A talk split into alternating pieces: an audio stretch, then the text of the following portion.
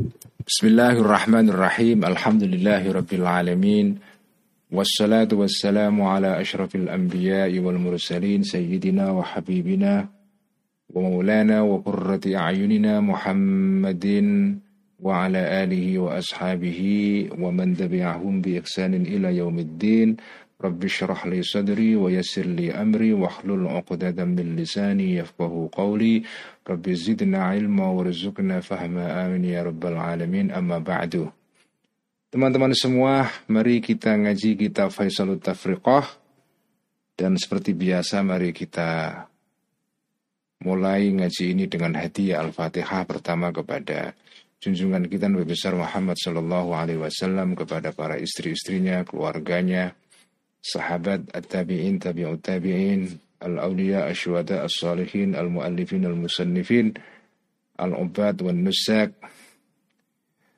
dan wabil khusus ila ruhi sultanil aulia asyadul qadir al-jilani wa ila ruhi asyaihil akbar muhyiddin ibn arabi wa Asyikh abdul hasan asyadili وإلى روح صاحب الإخياء وفيصل التفرقة حجة الإسلام أبي حامد الغزالي قدس الله أسرارهم ونور ضرائحهم ومرقادهم ونفعنا بعلومهم. وإلى أرواح سائر أولياء الله تعالى في أرض نسندرة. وإلى أرواح مؤسس جمعيتنا نهضة العلماء والجمعيات الإسلامية الأخرى ونخص خصوصا حضرة الشيخ هاشم أشعري بخالل بنكالان bahwa Hasbullah Bisi Sansuri Ki Wahid Gustur Kiai Maksum Kiai Ali Maksum Kiai Abdullah Salam Kiai Sal Mahfud wa ila ruhi abi Kiai Abdullah Rifai wa ruhi ummi Nyai Salamah wa ruhi ummi Nyai Fatmah wa ila arwah wa ila arwahi ulamaina wa asatidatina masyayikhina masyayikhi masyayikhina wa asdiqaina lahum jami'an al-fatihah أعوذ بالله من الشيطان الرجيم. بسم الله الرحمن الرحيم. الحمد لله رب العالمين. الرحمن الرحيم. مالك يوم الدين. إياك نعبد وإياك نستعين. اهدنا الصراط المستقيم. صراط الذين أنعمت عليهم غير المغضوب عليهم ولا الضالين. آمين. بسم الله الرحمن الرحيم. قال المؤلف رحمه الله تعالى وأدام النفع به وبعلمه في الدارين. آمين. رب يسر وأعين. Kitab Faisalut Tafriqah halaman 74. Wal yakun lil burhani, paragraf terakhir ya. Wal yakun lil burhani bainahum qanunun muttafaqun alaihi ya'tarifu kulluhum bihi. Uh, minggu yang lalu uh, Imam Ghazali menjelaskan bahwa manusia itu dibagi dua. Ya. Dibagi dua ada kaum awam, orang pada umumnya awamul khalqi, dan yang kedua adalah orang-orang yang kategorinya adalah an orang yang ahli pikir, yang suka mendalami hal-hal yang bersifat konseptual, teori dan segala macam. Ya, manusia kan begitu kan. Manusia diciptakan oleh Allah itu kan secara garis besar ada ada dua lah ya. Ada man of ideas, ada man of action. Ya. Ada man of ideas, ada man of action. Man and woman sebetulnya bukan hanya man saja ya. Man and woman of ideas, man and woman of action. Jadi ada orang itu yang sukanya itu ide, teori, konsep, hal-hal yang abstrak ya. Yang dalam bahasa um, filsafat Islam atau ilmu kalam disebut dengan umur i'tibariyah ya. Hal-hal yang bersifat i'tibar, sesuatu yang spekulatif, sesuatu yang ada dalam pikiran itu. Ada orang-orang yang seperti itu. Nah, saya ini termasuk orang yang sukanya hal-hal seperti ini. Karena memang nggak nggak becus hal-hal yang sifatnya apa ya aplikatif itu yang yang bersifat praktek itu saya lemah itu. Ya sukanya saya ya kayak begini ini baca kitab Mishkatul Anwar, apa namanya, Faisalut Tafriqah ya. Jadi memang ada orang itu yang kesukaannya diciptakan oleh Allah itu makomnya adalah makom uh, ilmu-ilmu yang nazari, al-ulum an-nazariyah. Ilmu-ilmu yang sifatnya teoritis itu.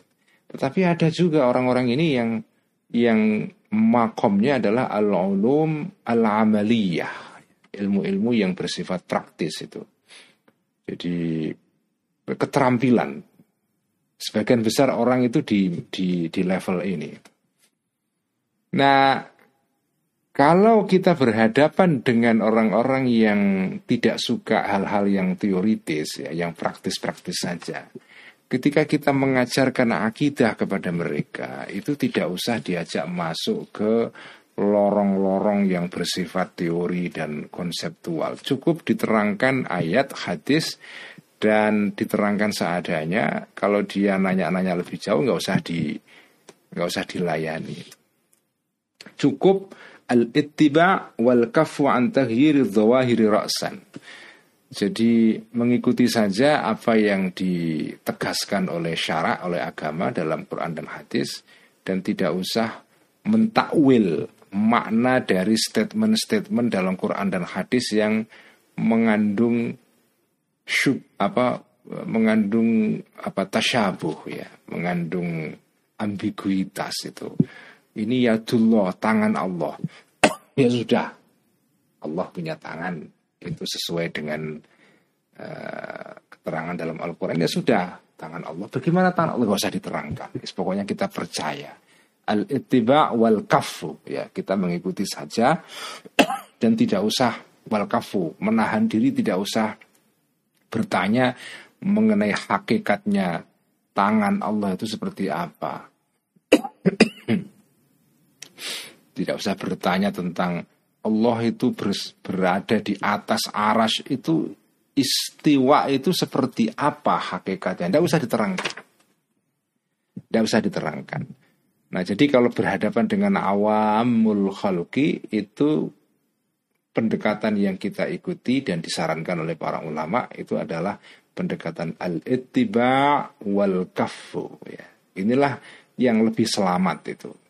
Ya karena kalau kita ngajak orang awam untuk masuk ke ke detail-detail keterangan yang abstrak ya, ya mereka bingung sendiri nanti. Bisa gila itu ya.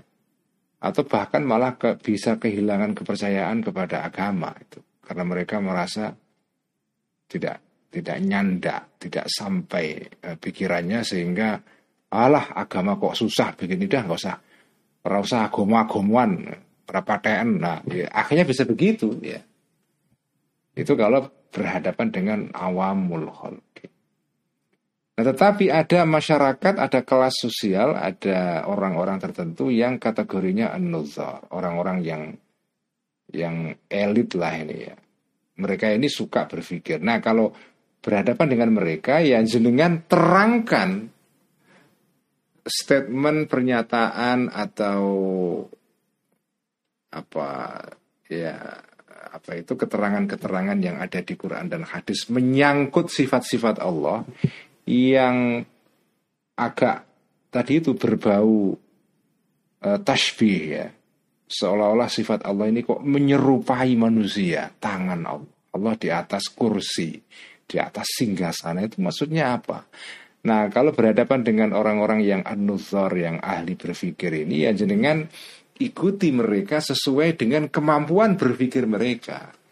Nah, di sinilah kemudian kita menggunakan konun atau will. Nah, ini kita berbicara pada bab ini dalam kitab Faisal ini babnya adalah tentang fitahriri konunin litawil. Jadi kalau ketika jenengan itu menafsir, mentakwil Mentakwil itu menjelaskan secara metaforis ya. Pernyataan-pernyataan dalam Quran menyangkut sifat-sifat Allah yang ambigu tadi itu jenengan menggunakan takwil. Tapi takwil ini kan bisa liar, bisa tidak terkendali. Karena itu harus ada pagar-pagarnya. Harus ada parameternya. Nah, itu yang disebut dengan konun. Konun itu adalah parameter atau kaidah di dalam mentakwil sehingga takwilnya ini tidak terjatuh kepada takwil yang subjektif, takwil yang liar ya. Yang uh, mungkin takwil yang batini ya, takwil esoterik seperti dilakukan oleh eh, kelompok dalam Islam yang disebut dengan Syiah Ismailiyah atau Al-Batiniyah, kaum kebatinan. Nah itu mereka mentakwil dengan cara yang apa ya kadang-kadang terlalu jauh dari makna harafiah dari sebuah ayat atau hadis itu.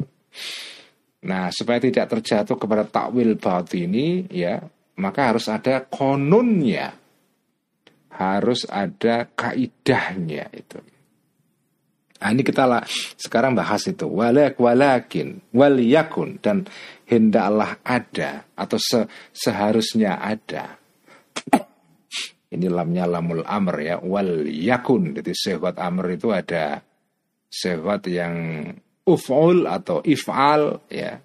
Itu wazannya pertama atau berupa fi'il mudhari yang di uh, ditempeli ya. Di afiksasi ditempeli lam lamul amr namanya. Contohnya ini wal yakun. Jadi uh, apa itu? Liyaf'ul atau, atau liyaf'al ya, liyaf'il ya. Nah, itu itu sifat amr yang kedua yang yang tidak sepopuler sifat amr yang pertama yaitu sifat amr yang asli yaitu uf'ul if'al if'il ya. Itu yang sifat amr yang yang pertama yang utama ya. Ya sifat amr yang kedua yaitu fi'il mudhari yang ditempeli lamul amr. Nah, ini contohnya ini. Wal yakun dan hendaklah ada. Ini ini amar ini fi'il amar. Fi'il perintah. Ini imperatif ya. Kata kerja imperatif perintah. Dan uh, dan adalah lil burhani bagi burhan ya. Uh, jadi tadi kan kalau Anda berhadapan dengan orang-orang yang ahli berpikir, jenengan boleh menafsiri, mentakwili atau membelokkan makna zohirnya ayat atau hadis yang berisi sifat-sifat Allah yang mengandung tasbih, mengandung keserupaan dengan makhluk seperti tangannya Allah, Allah duduk di atas aras. Itu kan sifat-sifat Allah yang menyerupai manusia. Nah, ketika Anda berhadapan dengan orang yang ahli pikir, boleh sampai terangkan makna dari ayat-ayat ini, dibelokkan dari makna zohirnya ke makna yang bersifat metaforis itu. Nah, itu namanya takwil. Jadi ngenggoke itu ya. Apa itu? Ngenggok membelokkan dari makna zahir ke makna yang batin. Berupa takwil. Tapi itu tidak boleh sembarangan.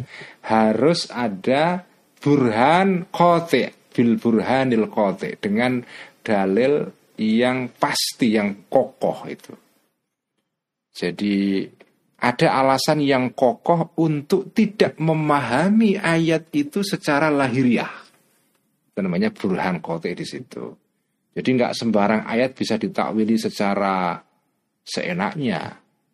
Ya. Karena Al-Ghazali itu salah satu lawan debatnya. Ya. Itu adalah orang-orang yang disebut dengan ahlu ta'lim. Yaitu para pengikut Syiah Ismailiyah atau kaum kaum Batiniyah itu. Beliau mengarang kitab beberapa kitab ditulis untuk ngerat ya, untuk mengkritik dan membantah ajaran-ajarannya kelompok Syiah Ismailiyah ini. Kitabnya Al-Ghazali yang paling masyhur dalam uh, hal ini, dalam kritik terhadap Syiah Ismailiyah ini adalah kitab beliau yang berjudul Fadhaihul Batiniyah atau Ar-Risalah Al-Mustadhiriyah. Judulnya dua itu ya, tapi kitabnya sama. Ar-Risalah Al-Mustadhiriyah atau Fadhaihul Batiniyah itu kitab yang ditulis oleh Imam, Imam Ghazali untuk menyangkal uh, takwil batini, takwil yang dalam pandangan Al Ghazali itu liar karena nggak ada kaidahnya yang dilakukan oleh kaum batini, kaum kebatinan yaitu kaum Syiah Ismailiyah yang saat itu Syiah Ismailiyah ini menjadi ideologi resmi dari sebuah negara yang ada berbarengan dengan negara Abbasiyah. Jadi Al Ghazali ini kan sebagai ulama ini kan penyokong uh, dinasti Abbasiyah secara ideologis ya. Karena dinasti Abbasiyah ini dinasti Sunni. akidahnya Asy'ariyah ya.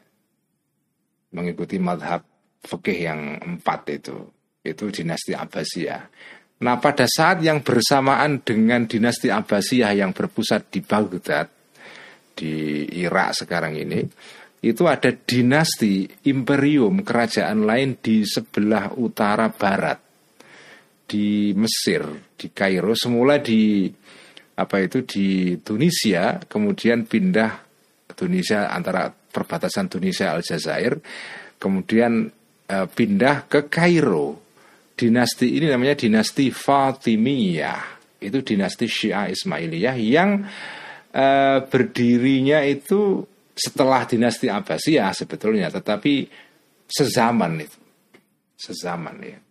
Ini dinasti besar sekali. Dinasti Fatimiyah ini yang uh, melahirkan antara lain uh, Al-Jami'ul Azhar. Jadi Universitas Al-Azhar sekarang ini itu dulunya adalah perguruan tinggi Syiah. Didirikan oleh uh, dinasti Fatimiyah.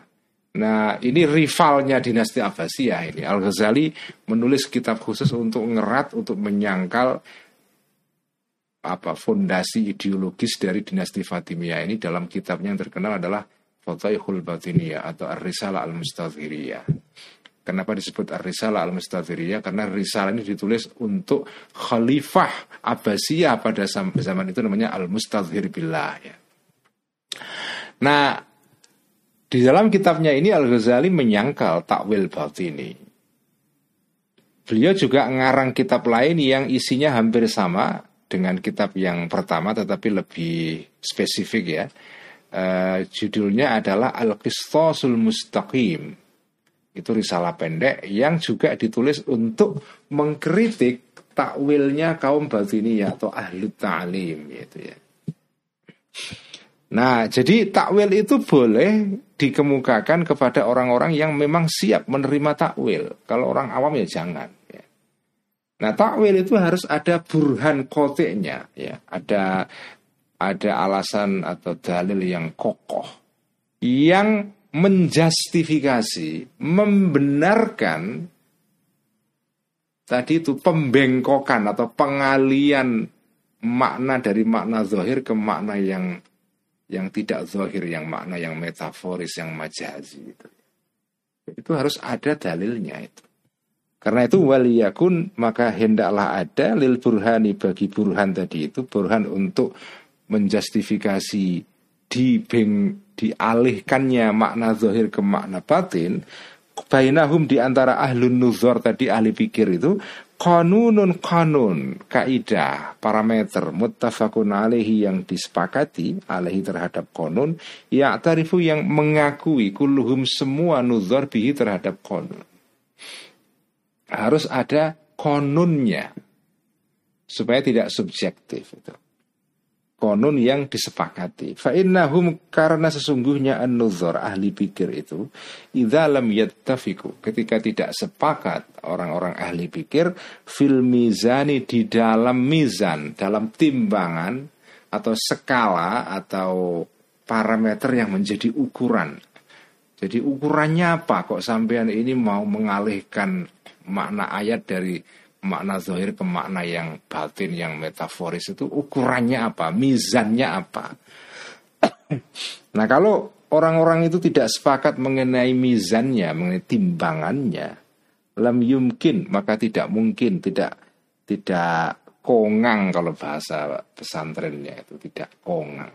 Tidak mungkin hum terhadap nuzar raful khilafi meng me menghilangkan perbedaan bilwasli dengan cara ditimbang. Ya kalau nggak ada parameter yang disepakati ya susah me, me, apa, mencari kesepakatan menghilangkan perbedaan ini karena masing-masing menggunakan parameter yang beda-beda. Jadi harus ada parameter yang disepakati. Oh ini kalau parameternya seperti ini ya kita boleh mengalihkan makna zahir ke makna batin. Wakat zakarna dan telah menerangkan aku Al-Ghazali Al-Mawazin Al-Khamsata Timbangan-timbangan yang empat untuk menimbang Ini tadi menimbang um, itu Burhan tadi itu, dalil itu Ini bagian dari ilmu mantek ini. Jadi Al-Ghazali itu menulis tentang timbangan al-khamsata yang lima fi kitabil qistasil mustaqim di dalam kitab yang judulnya al-qistasul mustaqim. Al-qistas artinya adalah apa ya timbangan al-mustaqimi yang lurus, timbangan yang yang persis, yang presisinya tinggi itu. Yang precise ya.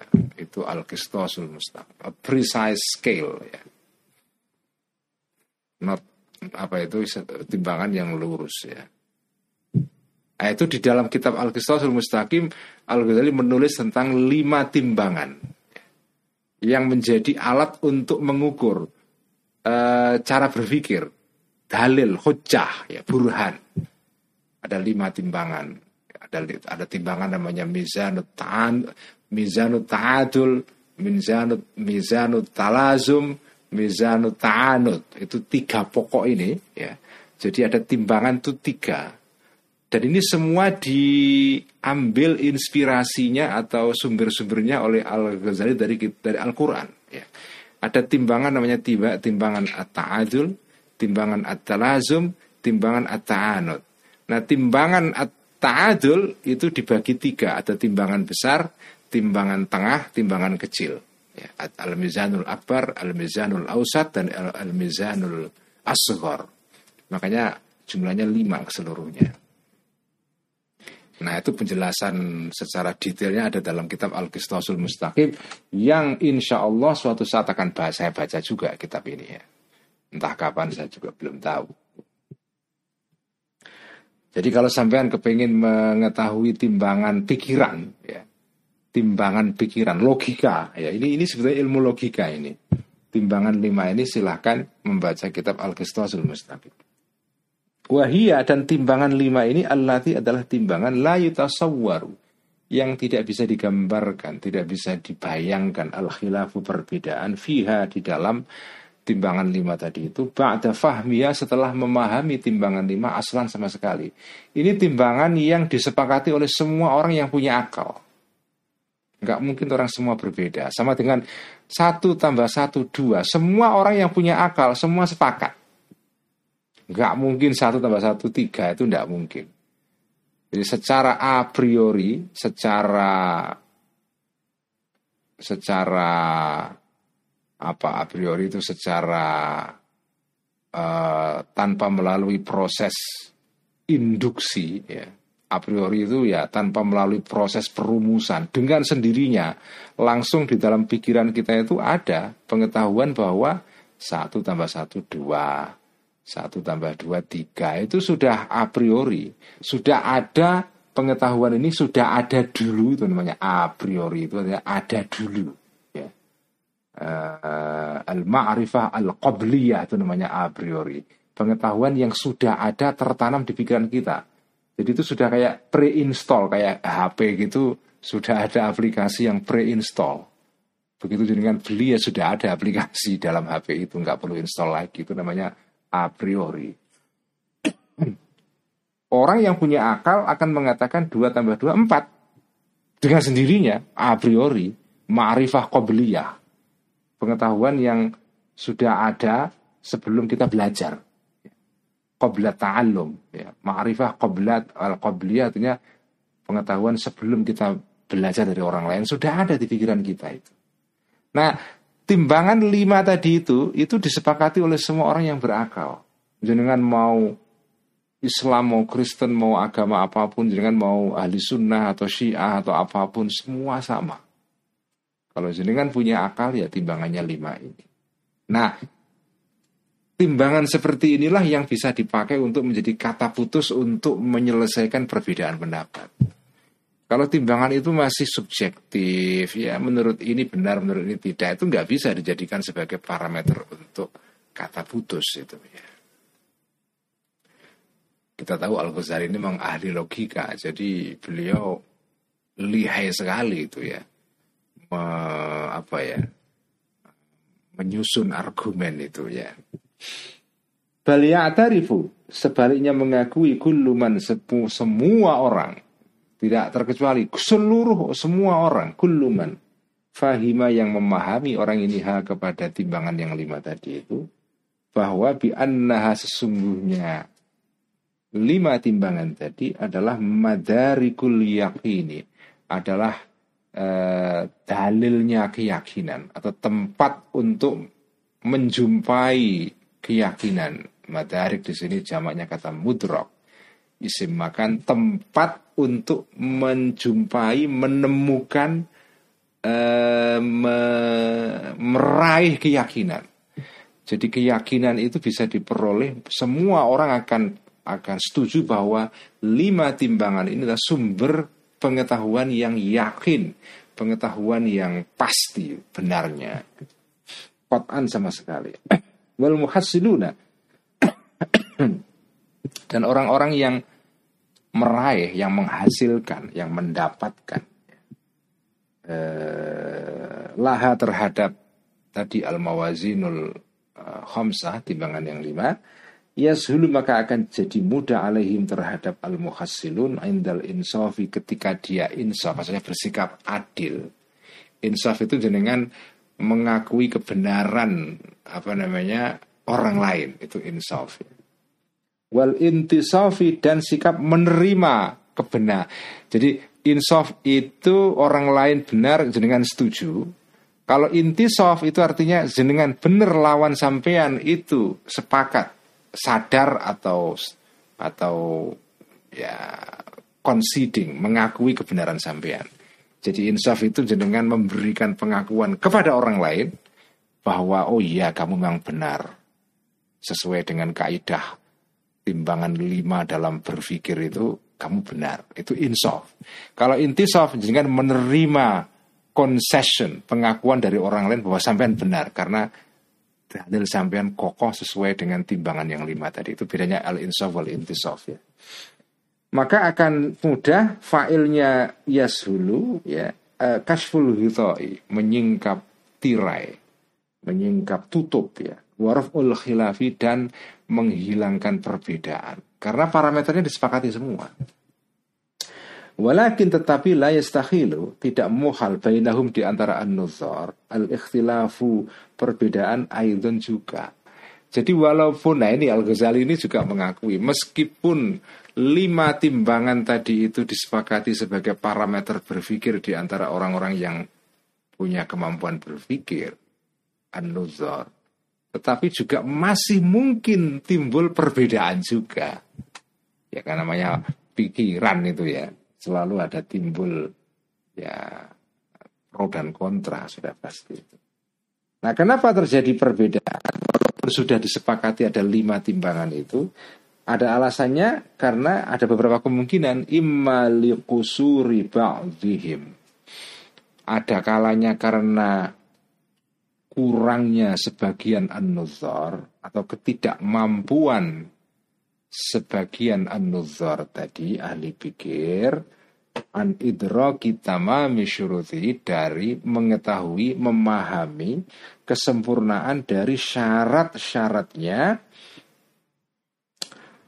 uh, dari syarat-syaratnya tadi itu uh, syarat-syaratnya mizan syarat-syaratnya mizan atau konun ya.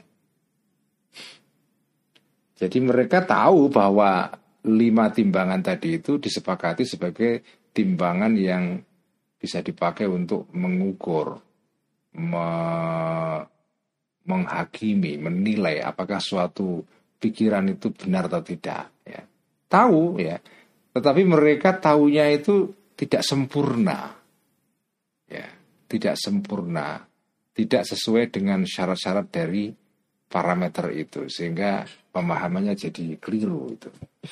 Wa imma lirujuihim dan ada kalanya kembalinya ahli nuzar fin nazari di dalam berpikir ila mahdil qarihati kepada murninya apa insting atau nalar ya watabi dan kebiasaan jadi di dalam memahami lima timbangan tadi itu mereka tidak mempelajarinya berdasarkan ilmu yang yang seharusnya Jadi kan lima timbangan ini kan timbangan berpikir yang di ada penjelasan sistematisnya seperti dibahas oleh para ahli ilmu mantek, ilmu logika ya. Jadi dia tidak memahami melalui ini belajar yang sistematis terhadap ilmu logika yang yang standar, tetapi dia memahami timbangan ini berdasarkan naluri dan insting alamiah saja. Kan pada dasarnya kan jenengan itu nggak perlu sekolah filsafat untuk belajar ilmu logika itu, karena pada pada dasarnya hakikatnya ya di dalam akal manusia yang dianugerahkan oleh Allah itu di sana itu sudah pre-install, sudah ada alat-alat berpikir itu sudah ada. Cuma alat berpikir ini alat-alat yang bersifat bersifat laten, tidak kelihatan. Dia menjadi manifest kelihatan kalau sudah diterangkan, dibahas, disistematisir oleh para ulama ahli logika. Ya sama lah semua ilmu kan begitu. Ilmu itu kan semula seperti tambang tersembunyi di bawah tanah itu lalu digali, diolah, disistematisir, disusun secara runtut oleh para ulama. Nah ini ada orang-orang yang pintar berpikir cuma mengandalkan naluri alamiah saja, tidak belajar secara sekolahan itu. Nah kadang-kadang kalau orang berpikir secara alamiah saja, dia ngerti cara berpikir yang benar, tetapi tidak sempurna karena modalnya hanya modal insting alamiah saja itu. Nah itu juga di situ ada kekurangan itu. Dunal wazni tidak dengan cara menimbang bil mizani dengan timbangan pikiran yang sistematis seperti dijelaskan dalam ilmu mantek itu. Dia menggunakan akal alamiah saja, naluri alamiah dalam berpikir itu. Kalladhi yarji'u seperti contohnya ini analoginya ya. Kalladhi seperti orang orang Arab di sini. Yarji'u atau non Arab juga sama. Yarji'u yang kembali alladhi ini ba'da ta'allumil arudi. Setelah mempelajari arud fi di dalam hal syair arud itu ilmu ilmu tentang bagaimana uh, menyusun atau mengubah puisi dalam bahasa Arab. Itu ada kaidahnya.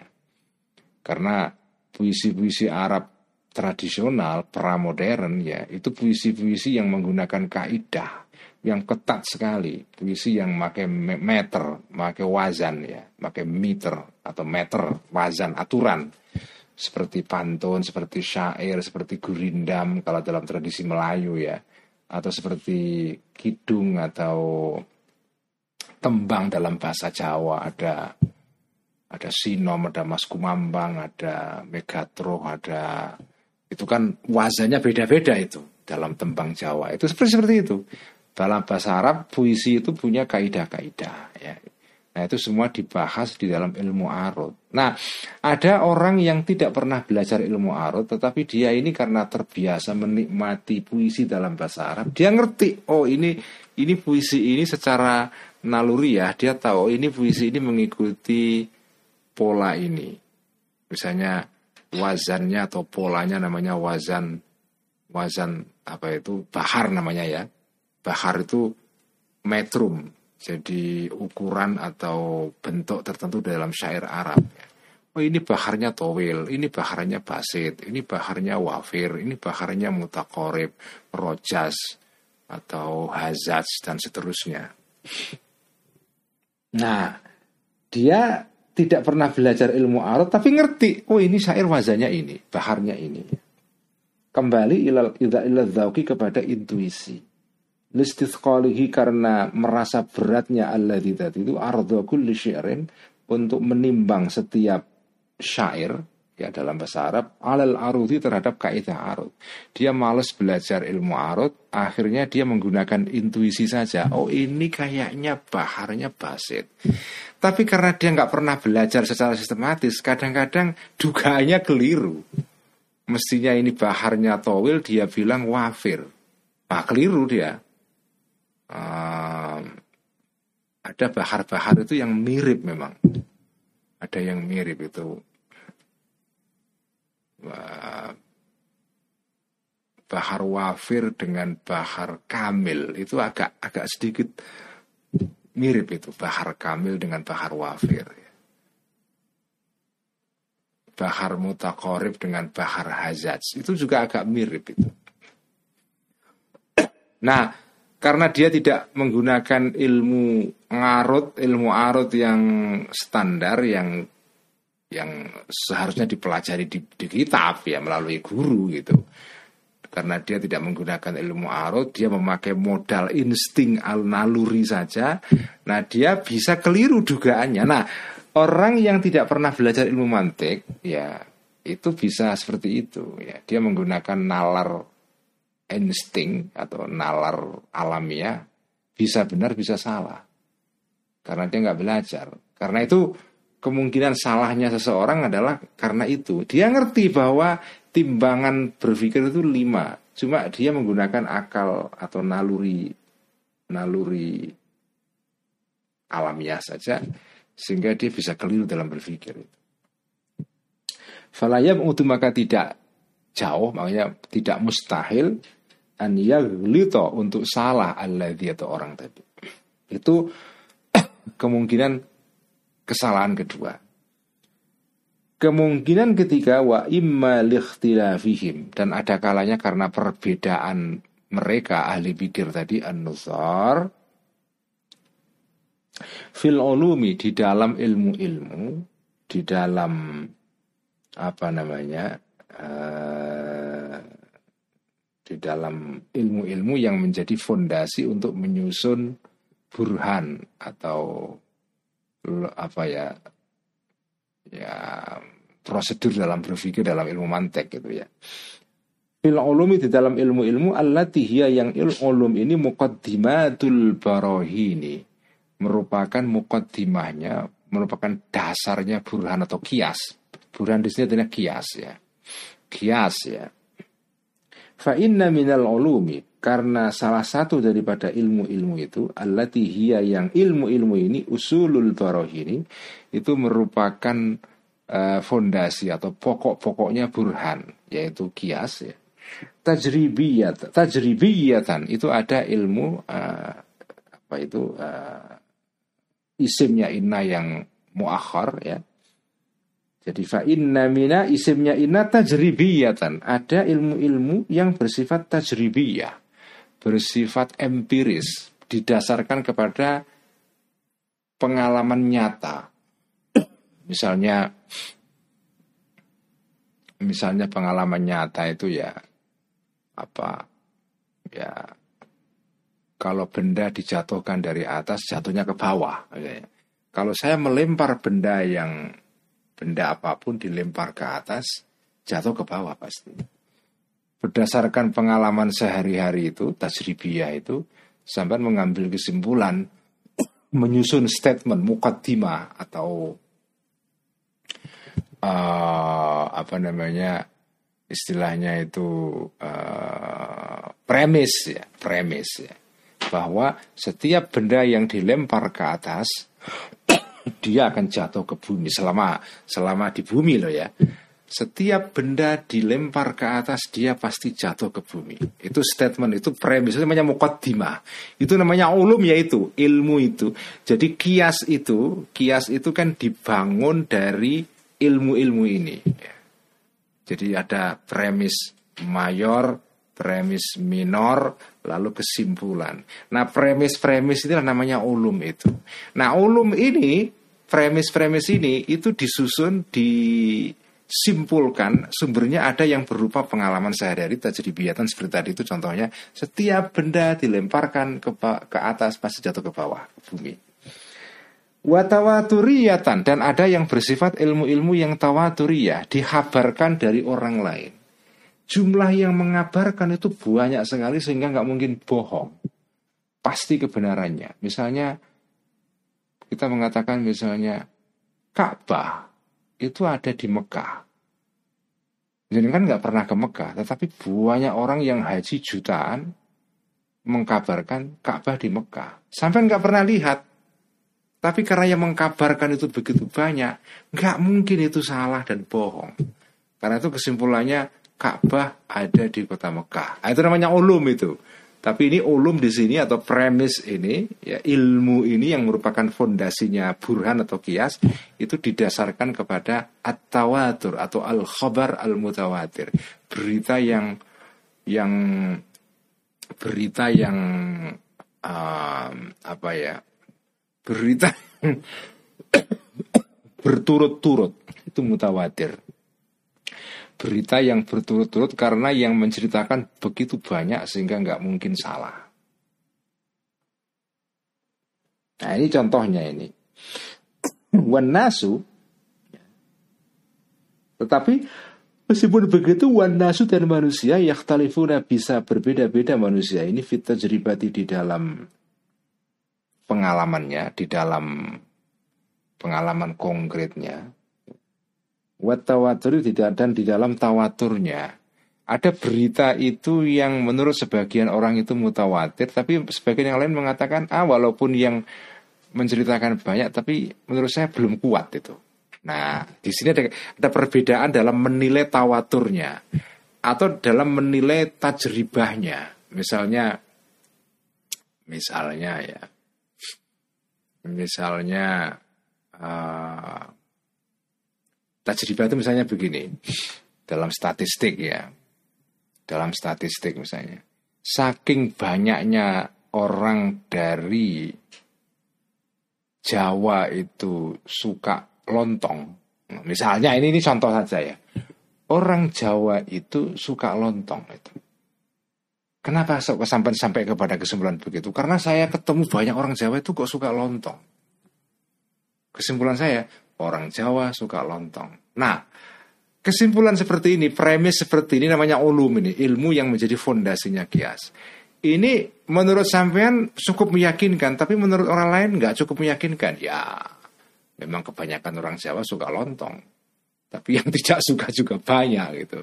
Berapa persen? Nah, statistik itu kan berbicara mengenai probabilitas kan, tidak keyakinan. Ya sekian persen orang Jawa itu suka lontong atau 70 persen, tapi kan nggak semua. Nah bagi orang yang mengatakan 70 persen itu belum terlalu meyakinkan. Nah di sini terjadi perbedaan di dalam menilai tajribah ini, kekuatannya, kevalidannya itu ya. Fakat dia tawatur, maka kadang-kadang tawatur, bernilai tawatur, indah wahidin menurut satu orang, ma berita, layat tawataru yang tidak berkualitas tawatur eh, ma tadi indah menurut selain orang satu tadi itu. Jadi menurut menurut orang ini ah, berita ini masih mungkin bohong meskipun yang mengkabarkan banyak. Tapi yang yang lain mengatakan enggak ini meyakinkan. Nah itu kan. Ini kan sering terjadi itu, apalagi di era sekarang ini yang memberitakan banyak portal berita lah, tapi sumbernya keliru. Semua berita mengatakan begitu, tapi sumbernya keliru. Jadi belum tentu pasti juga itu. Wakat yatawalla. Dan kadang-kadang apa namanya eh, mengalami itu yatawalla. Itu menguasai yatawalla makna aslinya makna aslinya menguasai. Tapi di sini artinya mengalami. Wakat yatawalla. Dan kadang-kadang mengalami seseorang tajribatama mengalami apa ya uh, tajribatama pengalaman sesuatu atau tajribah itu artinya eksperimen sesuatu layatawalla yang tidak mengalami hu kepada maghairuhu selain dari orang yang yatawalla tadi. Sebagian orang yang mengalami ber, atau menyaksikan berita tertentu menganggap itu meyakinkan, tapi yang lain mengatakan meragukan itu. Dan di sini terjadi perbedaan di dalam menilai suatu pengetahuan itu. Dia yakin atau tidak. Meskipun dia tahu bahwa parameter berpikir itu lima, tapi dalam kesimpulan akhirnya berbeda pendapat karena dalam terjadi perbedaan di dalam menilai kualitas Tadi itu fondasi burhannya itu. Wa imma lil tibasi yal wahmi dan Nah, perbedaan itu juga bisa terjadi salah satu kemungkinan yang lain wa imma lil tibasi yal wahmi. Dan ada kalanya karena ambiguitasnya, keserupaannya, kodiyah-kodiyah, kodiyah-kodiyah atau premis-premis yang bersifat spekulatif al-wahmi itu artinya premis yang tidak meyakinkan Kodiyah wahmi itu adalah kodiyah kodiyahnya sangkaan. Jadi di sini idofah lil milki ya. al kodoya kodoya wahmi artinya kodoya lil wahmi. Jadi ini ini idofah yang uh, maknanya lil milki. Jadi kodiyah kodiyahnya waham. Premis-premis yang sumbernya adalah waham. Waham itu artinya pengetahuan yang tidak meyakinkan, yang tidak bisa diandalkan ya. Berdasarkan sangkaan-sangkaan aja. Berdasarkan guess ya. Guesses ya. Sangkaan-sangkaan. Nah dia mengira sesuatu yang sumbernya sangkaan itu dikira dikira dia itu kualitasnya sama dengan bikodoyal aklit serupa dengan kodiyah kodiyahnya akal yang pasti jadi dia mengira ini kodiyahnya kodiyah yang aksiomatik yang berdasarkan nalar yang benar, tapi ternyata sebetulnya kodiyah atau premis itu kualitasnya itu spekulatif. Itu. Nah, di sini terjadi perbedaan karena jaringan keliru menilai suatu kodiyah atau premis itu. Wa imma lil tibasil kalimati. Dan ada karena perbedaan tadi kemungkinan yang lain karena serupanya beberapa statement-statement al kalimat al masyhurati yang masyhur yang populer di kalangan masyarakat al mahmudati yang terpuji bidoruriyati dengan ilmu-ilmu yang bersifat doruriyat yang pasti yang seperti sesuatu yang darurat artinya nggak bisa ditolak karena saking kepastiannya sebenarnya harus menerima itu itu namanya doruriyat ya wal awaliyati dan ilmu-ilmu yang bersifat awaliyat yang yang ya aksiomatik yang pasti benarnya karena dia ini bersifat primer, artinya pertama. Begitu dengan berpikir itu langsung kesimpulannya ke situ. Karena ini sesuatu yang sesuatu yang yang dengan sendirinya itu ada kesimpulannya itu di akal sampai Jadi itu kayak tiga tambah tiga ya enam. Itu awaliyat itu. Itu namanya awaliyat atau daruriyat ya. Matahari terbit di timur, itu awaliyat itu. Ya kan? barang yang dilempar ke atas jatuh ke bawah itu awaliyat itu. Uh, ya itu bisa awaliyat bisa tidak karena itu butuh butuh prosedur untuk untuk menyimpulkan memakai menggunakan eksperimen ya. Kalau awaliyat itu tanpa eksperimen, tanpa belajar, sama sudah tahu itu kebenaran kebenaran statement tersebut ya. Tiga tambah tiga enam itu tanpa belajar pun saya tahu itu. Satu tambah satu dua 2 meter itu lebih pendek daripada 3 meter. Itu dengan sendirinya saya tahu. Nah, ada orang yang jumbo. Statement yang sifatnya masyhur dianggap doruri. Statement yang masyhur itu artinya ada suatu pengetahuan yang populer di masyarakat yang masyhur, kodoya masyhurah. Misalnya apa ya? Kodoya masyhurah itu Kodoya Masyura itu seperti statement yang populer yang semua orang menganggap itu pasti benarnya, tapi sebetulnya tidak. Ya hanya karena dia viral saja lalu dianggap benar ya. Misalnya ya kalau sekarang ini kan banyak kan, hanya karena sesuatu dikatakan oleh selebriti. Lalu semua orang mengatakan itu pasti benarnya atau sebagian orang mengira oh yang mengatakan selebriti kok masa keliru. Ada kan? ada orang menimbang kebenaran itu berdasarkan siapa yang mengatakan. Kalau dia selebriti, ya pernyataannya itu populer, viral. Karena viral benar, itu namanya kodoya masyurah. Nah, jadi kan mengira kodoya premis pengetahuan yang populer, yang viral, itu sampean anggap kebenarannya itu sama dengan kebenaran pengetahuan yang awaliyat seperti tiga tambah tiga enam. Padahal nggak pasti ya hanya kebetulan dikatakan oleh selebriti seolah-olah semua orang terima masyhur viral populer terkenal Nah, keterkenalan itu bukan merupakan timbangan pikir kebenaran suatu pikiran. Makanya kalau ada premis kok premis itu masyhuroh itu tidak bisa dijadikan sebagai standar pengetahuan. Karena apa? Karena nggak pasti ada sesuatu itu yang populer, viral, tapi tidak benar. Banyak sekali, apalagi di era sekarang itu ya. Kama fasalna sebagaimana menerangkan aku Al-Ghazali dalika hal-hal ini tentang adanya ikhtilaf karena kemungkinan iltibasul kalimatil masyurah. Al-mahmud dan seterusnya ya. Tadi itu ada kemungkinan tadi itu satu dua tiga empat lima. Lima kemungkinan orang berbeda pendapat walaupun mengakui sumbernya sama yaitu lima timbangan tadi itu itu sudah saya jelaskan ini semua fi kitabi mihakin nazar dalam kitab mihakun nazar. Ini salah satu kitabnya Al Ghazali mengenai ilmu logika mantek. Al Ghazali itu punya ilmu mengenai mantek itu ada beberapa. Mihakun nazar al qistasul mustaqim. Itu dua kitab beliau mengenai uh, apa itu namanya mengenai mantek ya Walakin tetapi bil jumlah secara keseluruhan Idha hasalu ketika menghasilkan Ketika berhasil mempelajari para ahli pikir tadi itu tilkal mawazina timbangan-timbangan timbangan-timbangan pikiran yang lima tadi itu wahakkoku dan memverifikasi mentahkik ya mendalami alun nudar tadi ha kepada al mawazin amkana maka menjadi mungkin hum kepada an nuzar al wukufu berhenti indah tarkil ainati. Ketika meninggalkan perdebatan kusir itu al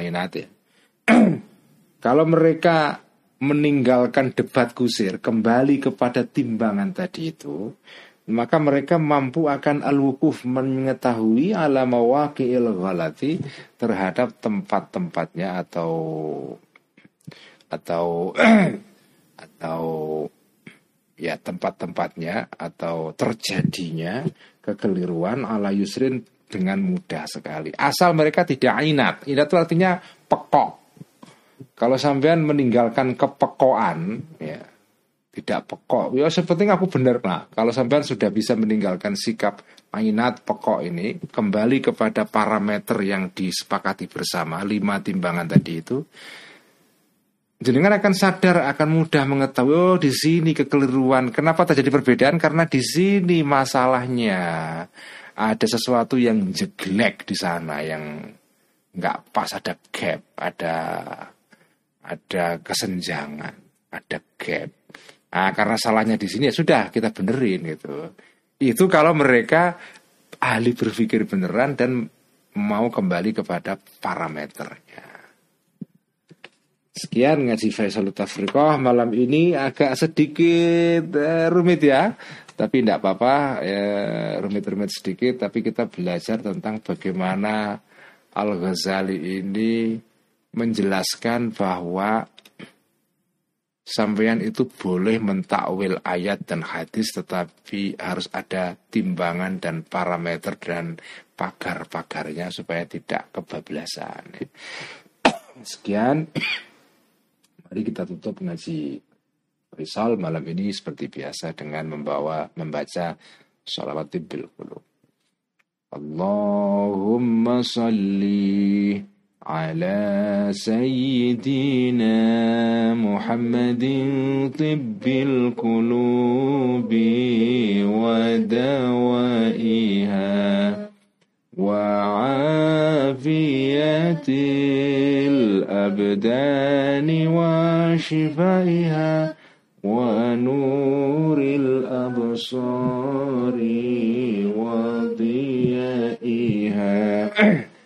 وعلى آله وصحبه وسلم. اللهم صلِّ على سيدنا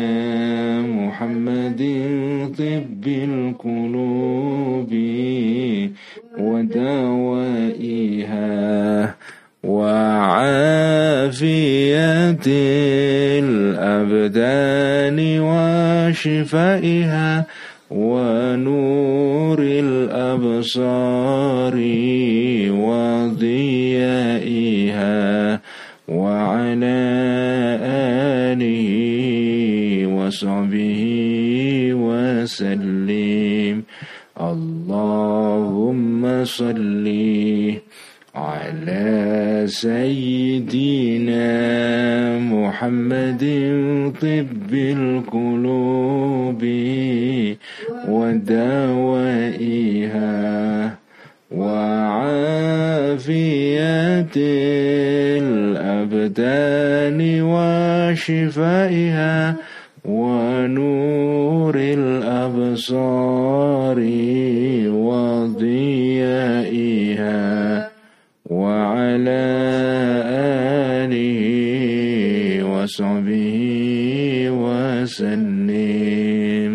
والسلام عليكم ورحمة الله وبركاته.